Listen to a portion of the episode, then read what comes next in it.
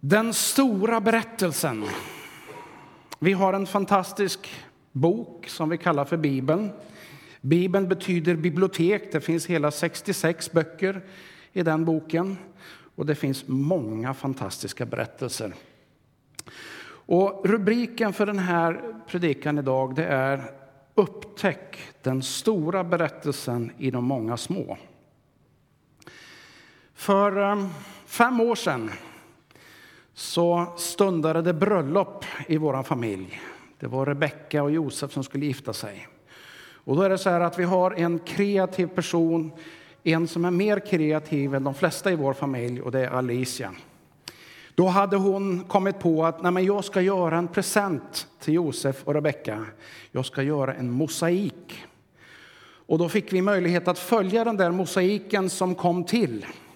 Och ni vet, en mosaik den består av små, små delar. Små kakelbitar kan man säga, i lite olika färger.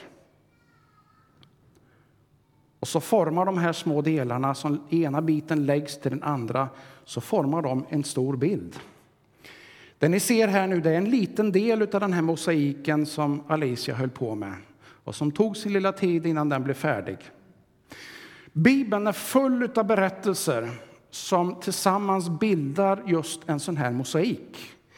En större bild än den enskilda berättelsen. Den enskilda berättelsen har ett jätteviktigt värde men det är del i en större berättelse. Och den lilla berättelsen, som kanske inte alltid är så liten, den är del i Guds stora berättelser. Om man tittar på den här bilden som jag har lagt upp här nu då, så ser man ju några bitar, ganska många faktiskt, så man kan ana lite grann vad som finns på den här bilden. Men det räcker inte att titta på några få bitar om du ska få hela perspektivet. Man behöver ta ett steg tillbaka, ställa sig på lite distans och så få upp hela bilden. I det här fallet så är det bilden på Rebecka och Josef, om jag inte minns fel, i samband med deras förlovning. Och den gjorde Alicia om, processade i sin dator och så blev det så småningom en mosaik med små, små bitar som målar den stora bilden. Och jag tänker att när vi läser Bibeln så läser vi ofta varje enskild berättelse. Och ibland så kan den där berättelsen, om vi går tillbaka till förra bilden där, ibland, vi kan backa ett steg till faktiskt. Om ni tittar på de här mosaikbitarna där, om man tittar på varje enskild mosaik där, så kan den vara ganska kantig. Till och med lite spetsig så den ser lite vass ut. Och om man bara tittar på en eller två mosaikbitar då kan man börja fundera, nej men, kan det här stämma? Är det här verkligen rimligt? Det känns kantigt, det känns vasst, det känns som att, nej men hur passar det här in? Då är det så fantastiskt när man får ta ett steg tillbaka så får man se att de där berättelserna, de där bitarna som möjligen kan verka lite konstiga i sig själva, är man i den stora bilden så får de ett annat djup och en annan betydelse. Och tillsammans med de andra så målar det bilden av en större berättelse. Jag tänkte att vi skulle inleda en 30 dagars upptäcktsfärd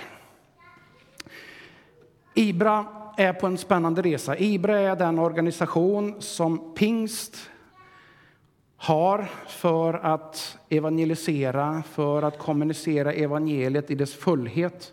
Det handlar om hela människan och som regel med hjälp av media som ett viktigt redskap. Och där har jag förmånen att få jobba med utbildning och med research. Och under flera års tid så har vi haft ett tydligt fokus på just lärjungaskapande. Eh, I den här processen så har vi lärt oss det som vi kallar för lärjungaresan.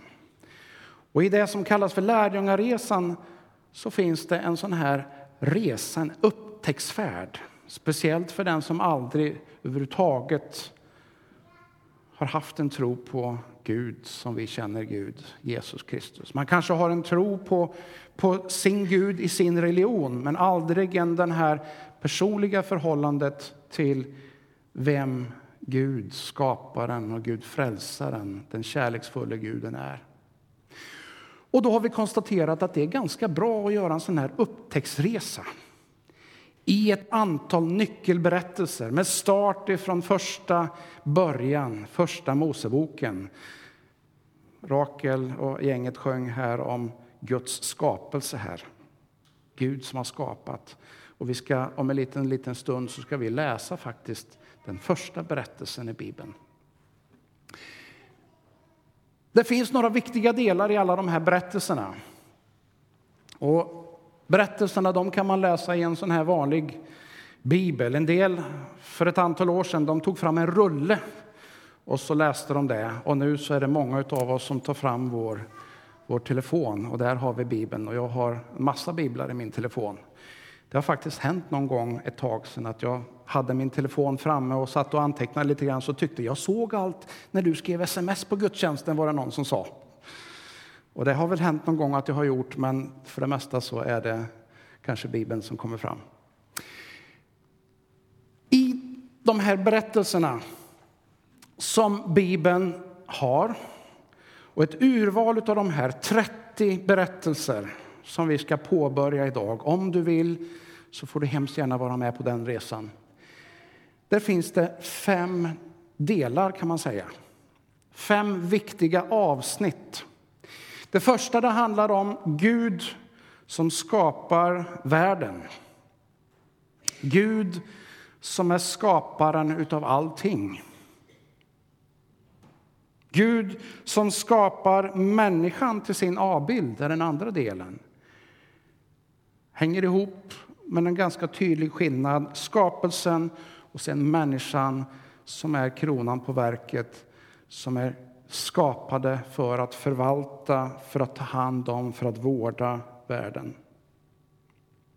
Den tredje är kanske den sorgligaste berättelsen av dem alla, eller den sorgligaste delen. Det är fallet.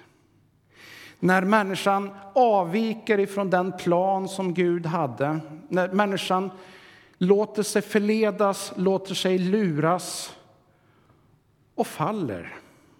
Faller in i ett mörker som inte var tänkt, som inte var Guds tanke men som av någon anledning fanns som en möjlighet när människan gjorde sitt val. Bibeln kallar det för fallet, syndafallet. När synd kommer in i världen och skapar en massa oreda. Och under väldigt lång tid så är liksom hela skapelsen, hela världen och vi som människor, vi är liksom präglade av den där synden. Vi är inte evigt dömda till den synden, men vi är präglade av den. Den påverkar oss. Den påverkar oss varje dag. Det gjorde den där för flera tusen år sedan. Påverkar Adam och Eva väldigt påtagligt. Men den påverkar också oss här i vårt samhälle, här i Karlstad, här den här söndagen 19 juni. Den fjärde delen, som egentligen en väldigt, väldigt stor del av Bibeln handlar om, det är Guds plan. För att liksom befria och upprätta människan ifrån det där djupa, mörka hålet. Eller ifrån den där leran som är liksom bottenlös. Att lyfta upp människan och ställa den på stadig grund. Att erbjuda dusch, att spola sig ren, att tvätta sig ren. Åter få vara den där skapelsen som återger lite grann någonting av vem Gud är. Den sista delen den handlar egentligen om din och min respons. De första fyra de handlar om det Gud målar, det han ville, det som hände därför att människan valde en annan väg. Men sen väldigt mycket vad Gud gör och vill göra och över tid har gjort för att varje människa ska få chansen att få stå på stadig mark igen. Och den sista, det handlar om dig och mig, vad vi gör med den berättelsen. Och ibland är det så här, kanske ganska ofta är det så här att vårt handlande, det bygger på vår förståelse.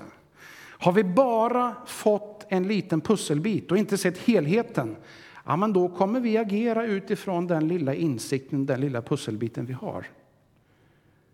Men har vi fått en större perspektiv, har vi fått den större bilden, ja, men då kanske vårt handlande blir annorlunda.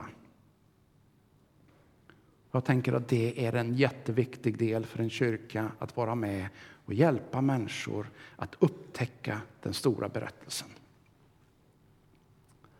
Ska vi börja?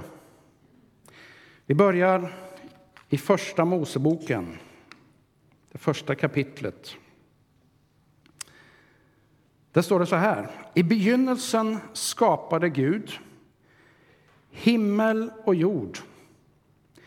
Jorden var öde och tom. Djupet täcktes av mörker och en gudsvind svekte fram över vattnet. Gud sa, låt ljus bli till. Och ljuset blev till. Gud såg att ljuset var gott och han skilde ljuset ifrån mörkret. Gud kallade ljuset dag och mörkret kallade han natt. Det blev kväll och det blev morgon. Det var den första dagen. Gud sa, i vattnet ska ett valv bli till och det ska skilja vatten från vatten. Och det blev så. Gud gjorde valvet och skilde vattnet från, under valvet från vattnet ovanför valvet. Gud kallade valvet för himmel. Det blev kväll, det blev morgon. Det var den andra dagen.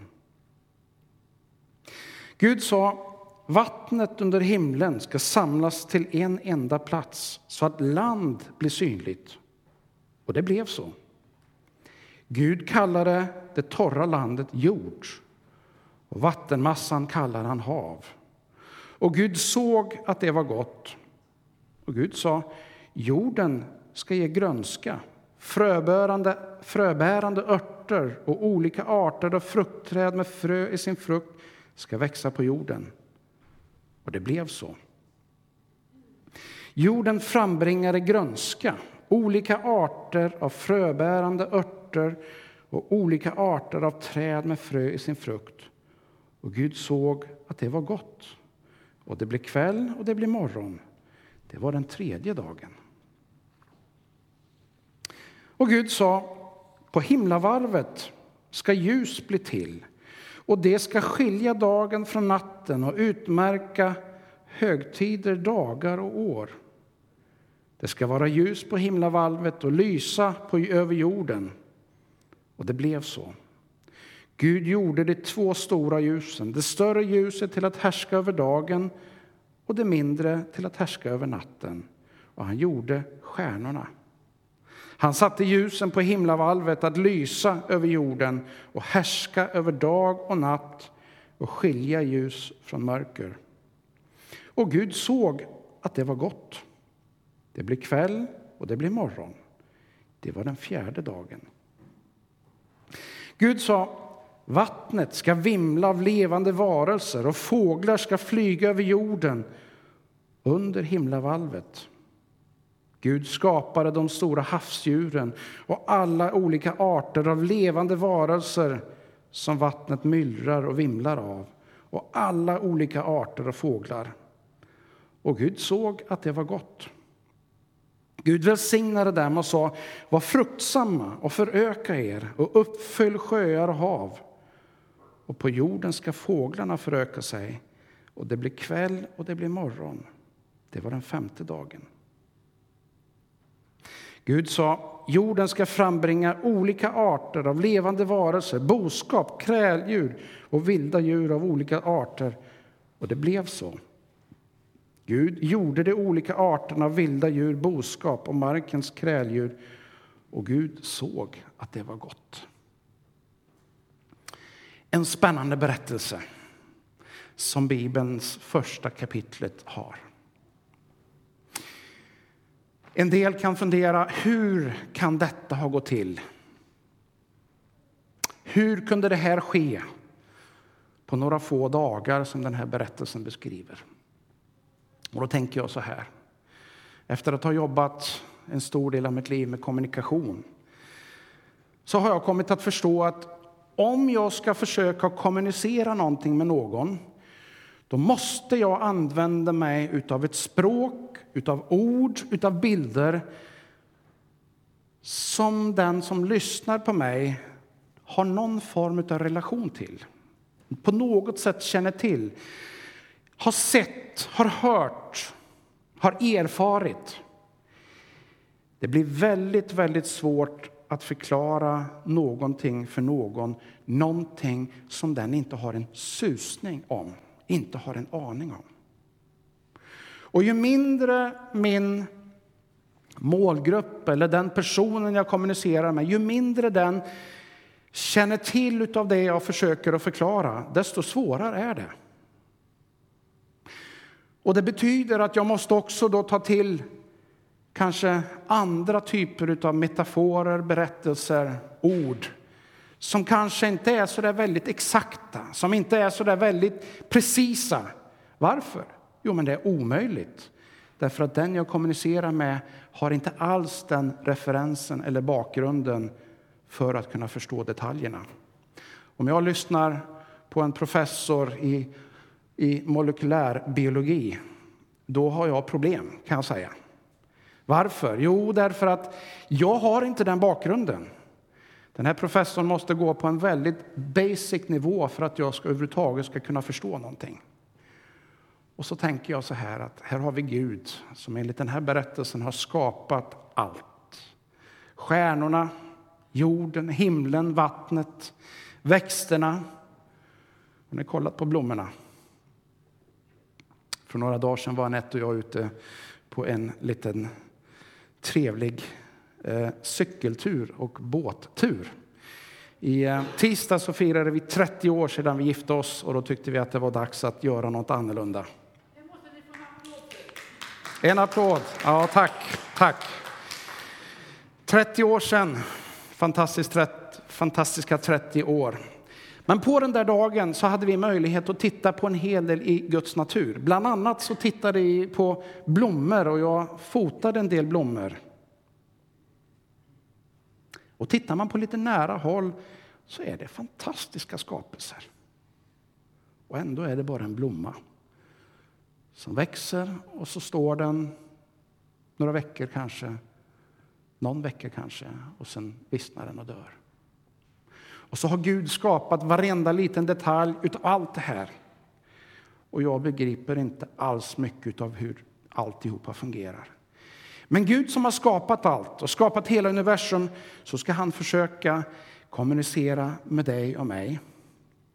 Och då tänker ni er för några tusen år sedan, då hade de allra flesta människor inte alls den kunskapen som du och jag har som forskningen på något vis har varit med och tagit fram om hur saker och ting har gått till. Och så ska Gud försöka att göra en berättelse som blir meningsfull, som är sann, men som också är meningsfull. Kan ni tänka er den gigantiska utmaningen? Jag tror att ni som har kommunicerat någon gång eller reflekterat över kommunikation inser att det här är en stor utmaning. Men det här är Guds försök. Guds försök utav att berätta en berättelse som inte har alla detaljer, som inte har alla liksom, exaktheter men som har några väldigt viktiga sanningar. Och jag tänker att vi behöver ställa oss några frågor. Och jag har valt fem frågor, så många som fingrarna finns. Vilken är den viktigaste fingern? Jo, det är nog tummen. va? Åtminstone pratar vi med försäkringsbolag så säger de att tummen är den som man får störst ersättning för om man missar, därför att den är så viktig. Och den viktigaste frågan är vad kan vi lära om Gud ifrån den här berättelsen? Vad är det för någonting som den här berättelsen berättar om Gud själv? Och den här frågan behöver både du och jag ställa oss. Vilken berättelse vi än läser i Bibeln, vad kan vi lära om Gud?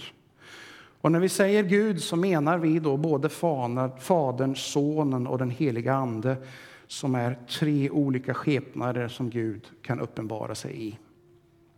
Så vad kan vi lära? Och jag satt igår och funderade lite grann och det här är mitt förslag.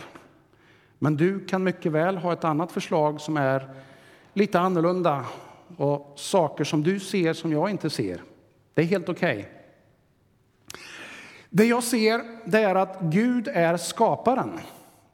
Det är han som är skaparen. Den här berättelsen ger inte utrymme för att det är någon annan som har skapat eller att det är en slump att någonting har kommit till, utan det här berättelsen gör tydligt och klart att det är Gud som är skaparen utav allt. När han började så fanns det ingenting utav det vi ser, men så började han och så skapade han. När jag reflekterar över allt han har skapat, beskrivningen utav vattnet, utav haven, utav himlen, utav stjärnorna, utav blommorna, utav djuren, utav växterna så konstaterar jag att nej, Gud måste ju vara fantastiskt kreativ. Eller hur? räcker att titta i den här buketten här. Det är inte bara olika färger, det är olika former också, olika struktur, olika dofter. Och då pratar vi om en bukett med blommor bara. Och så allt det andra. En Gud som är skapare och som är oerhört kreativ, det ser jag i den här berättelsen. Det jag också ser det är att Gud skapar någonting som är gott, därför att det var en återkommande reflektion som Gud har i den här berättelsen. För varje steg så tittar han på det som hade skett och så konstaterar han att det här var gott. Alltså signalerar det här att det Gud har skapat är gott och den här världen är i grunden från början tänkt att vara en fantastiskt god värld. Det är Guds tanke. Ett god, en god skapelse. Det nästa jag ser det är att Gud skapar med ord. Gud sa. Och så i nästa mening så stod det och så blev det så. Och så reflekterade han och tittade över det och så var det gott. Gud säger och så sker det. Det är skaparens möjlighet att använda ord för att skapa någonting som inte förut fanns. Sån är Gud. Och så står det Gud välsignar sin skapelse. Visst är det väl fantastiskt? Den skapelse som vi är del av, som vi lever i, den är från början välsignad av Gud. Den är liksom välsignad för att fortsätta att vara välsignad. Det är berättelsen, den första berättelsen hur det var tänkt från första början, vad som hände från första början. Och sen säger Gud, han beskriver att det finns frön och att det finns frukter som innehåller frön. Och så säger han dessutom åt djuren, föröka er. Fiskarna i havet, föröka er, uppfyll haven. Fåglarna, uppfyll jorden. Djuren, föröka er. Var fruktsamma. Guds tanke från början är att vi ska vara fruktsamma. Den potential till fruktsamhet som vi har fått, den ska vi vara, den ska vi leva, den ska vi ha med. Det är inte så att det en gång skapades en exakt summa av olika saker och sen är det det som vi bara ska dela på rätt av. Nej, det finns en Guds tanke av att det som är skapat, det har potential att förmera sig. Det du och jag har fått att förvalta, det kan förmera sig. Det är i alla fall det jag ser i den här berättelsen. Några saker som jag såg. Jag vet inte vad du ser eller kommer att se när du går hem och läser den här berättelsen, men det här är ett exempel på några saker jag såg. Vi går vidare till nästa fråga. Den nästa frågan som är väldigt relevant att ställa sig till varje berättelse, det är vad är då människans respons till det här? Människans respons till Gud. Och ibland ser man det jättetydligt i berättelsen, ibland ser man det lite mindre tydligt. I den här berättelsen så har inte Gud skapat människan ännu. Och därför så kan vi inte liksom se människan riktigt, utan vi får liksom betrakta det som Gud har skapat och reflektera lite grann över okej, okay, vad är den naturliga, vad är liksom den rimliga responsen i den berättelsen som vi alldeles nyss läste? Och då tänkte jag så här. Ja, som läsare av den här berättelsen eller lyssnare till den här berättelsen så är det självklart, det är naturligt att fyllas av förundran över Guds storhet. Vi har en stor Gud. Eller hur? Vi har en väldigt stor Gud. Väldigt stor Gud som har skapat allt så finurligt, så genomtänkt, så otroligt, så fantastiskt. Och inte bara funktionellt, utan också så är fantastiskt vackert att se på. Eller hur? Vi har en stor Gud. Det är min naturliga respons. Och om det är så här, då är liksom den naturliga responsen det är faktiskt att ge Gud äran. Gud, vad fantastisk du är. Det är den naturliga responsen. Jag vet att det finns människor som ger en annan respons. Men det jag ser när jag reflekterar över den här berättelsen så är det naturliga att konstatera att oj, vad stor du är. Wow! Gud, du är fantastisk. Du ska ha äran för det här. Tänk att jag får vara del, att jag får se, jag får leva i och jag får njuta av den här skapelsen. Vi tar den tredje frågan. Och den är också väldigt relevant. Hur är den här berättelsen relevant här och nu? En del kan ju fundera över ja, men berättelser som är flera tusen år gamla. Kan de vara relevanta för oss här idag? Och en del avfärdar det och säger att nej, men det där var då. Nu är det andra tider. Och jag vill utmana dig och mig. Ja, men fundera på vad har den här berättelsen för någonting att säga som är relevant just nu? I vår tid, här i Karlstad, i vårt land. Är det där du är? När jag reflekterar så hittar jag några saker. Och det jag ser är att vi är alla mitt i skapelsen. Den fortlever. Det var inte bara några tusen år sedan som den här skapelsen kom till, utan den här skapelsen den fortsätter och fortlever och vi konstaterar att så som Gud har skapat allting att föröka sig, att fortplanta sig, så fortsätter den att leva och utvecklas. Och inte minst varje vår så blir vi väldigt varse det. Det som har verkat dött under vintern, det kommer till liv igen. Hela världen, växter, djur, allt som är Guds kreativa konstverk, det är någonting som vi ska vårda och sköta, ta hand om. Om Gud har skapat det så fantastiskt så kan jag inte tänka mig att tanken är att vi ska liksom slita ut det och förstöra det. Eller? För mig så är det inte logiskt i alla fall.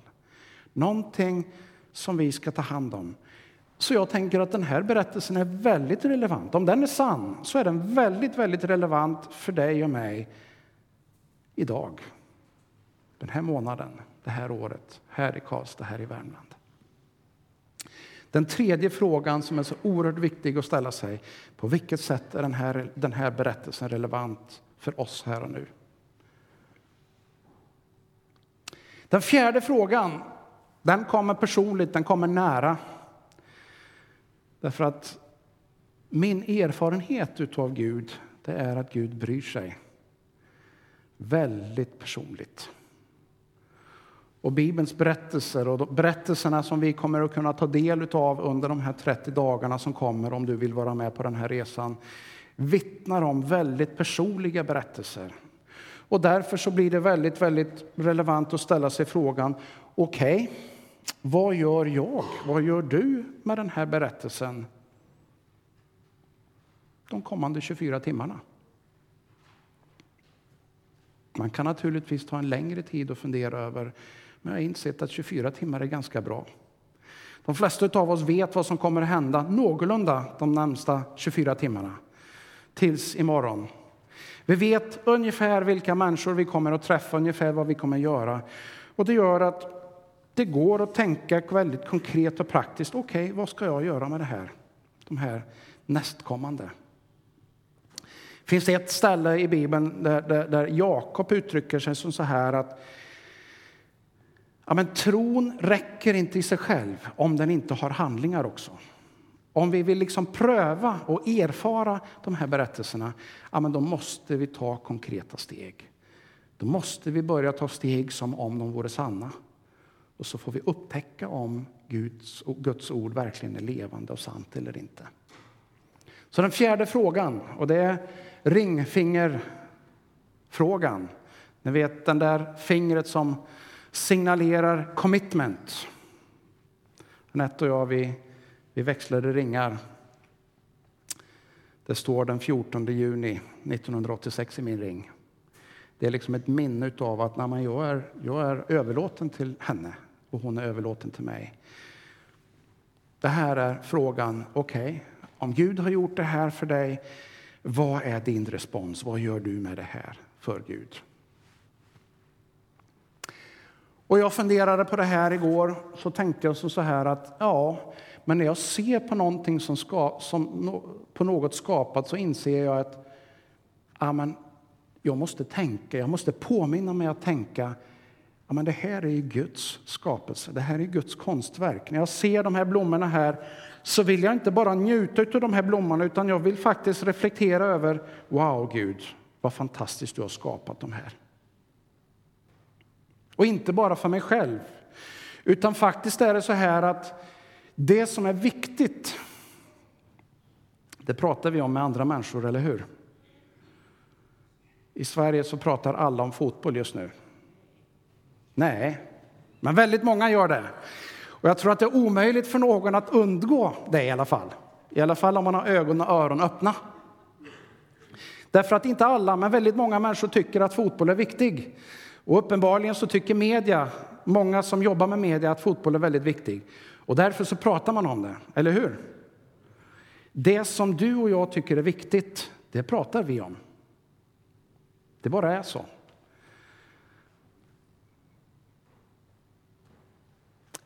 Min, mitt beslut det är att ah, men jag vill tänka att det här är Guds konstverk. Och jag vill inte bara hålla det för mig själv, jag vill uttrycka det i min, Gud, min bön. Gud, tack för ditt fantastiska konstverk. Och jag vill också berätta det, precis som jag gör med er nu. Men också kanske någon annanstans när jag möter människor. Jag vill berätta, jag vill påminna om, som en del i mitt naturliga samtal, att nej, det är så fantastiskt med Guds skapelse. Den femte frågan det är vem kan du dela det här med? Vem kan jag dela den här berättelsen med? Den här upplevelsen, den här insikten utifrån den här berättelsen. Som vi kommer märka genom de här berättelserna så är det faktiskt så här att en av Guds kännetecken, det han har skapat oss med, det är att han har skapat oss för att ha gemenskap. Och det centralaste i all gemenskap är att man delar saker och ting med varandra. Man berättar om det som är fantastiskt, man berättar om det som är roligt, man berättar om det som är jobbigt. Man berättar det man upptäcker. Har du sett att man kan köpa billigt, billig tv där och nu? Berättar jag för den som jag vet är på jakt efter en ny tv. Eller vad det nu är för någonting. Så vem kan du dela, vem kan jag dela det här med? Och när jag tänkte över den här berättelsen och min personliga så tänkte jag så här att äh, men jag ska dela någonting av det här med människor jag möter i kaféet efter gudstjänsten. Jag hoppas att när vi sitter och fikar och dricker en kopp kaffe så kan vi på något vis reflektera, kan jag på något vis dela min upplevelse av den här första, en av de viktigaste berättelserna i Bibeln. Jag tänker att jag har ganska många vänner på Facebook som finns över alla jordens hörn. Jag har ganska många som tror på den Gud jag tror på, men jag har också vänner som inte gör det. I alla fall inte uttalat aktivt. Ja, men där är det ganska naturligt att jag också delar någonting som signalerar över min fascination över Guds skapelseberättelse. Kan jag göra det här de närmsta 24 timmarna? Ja. Jag kanske kan göra mer. Men jag tänker att det viktigaste är inte att jag tar jättestora kliv och prövar upptäcktsvärlden. Det viktigaste är att, att jag tar kliv, att jag tar ett litet steg. Och för er som har prövat har sett att man kommer ganska långt om man fortsätter att ta steg hela tiden. Fem frågor på en hand. Vad kan vi lära av Gud? Vad kan vi lära av människans respons till den här berättelsen och till Gud? På vilket sätt är det här relevant för oss här och nu? Vad gör jag med det här i mitt liv de kommande 24 timmarna? Och vem kan jag dela det med? Fem fingrar, fem frågor som jag kan ställa till varje berättelse i den här mosaiken av berättelser som målar den stora bilden. Jag har faktiskt gjort en, en liten plan. Och de här bilderna, jag ser att några tar bilder på här, det är helt okej. Okay, men varenda en av er kommer få en sån här med ut. Så att när ni går ut så, så ska ni få den här. Det finns både på svenska och på engelska. De fem nyckelfrågorna. Och dessutom 30 berättelser där du kan ta en liten stund. Det handlar inte om jättemånga minuter, men en liten stund varje dag läsa de här berättelserna. Hur kan du göra det då? Ja, du kan göra det själv i din egen andakt. Du kan göra det när du har din egen tid. Eller du kan göra det med din familj, med din fru, med din man, med dina barn. Kan ni läsa den här berättelsen? Så kan ni samtala om de här frågorna. Reflektera tillsammans. Så får var och en konstatera att ja, det här vill jag göra. Det här är logiskt för mig. Det här är min konsekvens av det här, den här berättelsen. Kanske över en kopp kaffe, kanske med dina vänner någonstans eller kanske över telefon med någon som du vill dela den här berättelsen. Det finns alla möjliga möjligheter. Jag har testat alla av de här. Jag vet att de funkar. Välj det som funkar för dig. En upptäcktsfärd, att upptäcka den lilla berättelsen men också den stora berättelsen i de många. Från och med idag så kommer varje dag Gian, var är du? Där är Gian. Gian här, han kommer varje dag att lägga ut en ny bild på vår Facebook-sida, kyrkans Facebook-sida. Så om inte du blir påmind på något annat sätt så kan du åtminstone bli påmind av den här Facebook-sidan. Där kommer det bibeltexten för varje dag under 30 dagar med start idag. Så titta när du kommer hem om du använder dig av Facebook. Eh, du måste inte vara medlem, du måste inte vara del. Du kan bara direkt gå på den här sidan, facebook.com, Karlstad Pingst. Och så kan du få den här uppdateringen också, bibeltexten. Min sista fråga till dig och mig här nu. Vill du vara med i den stora berättelsen?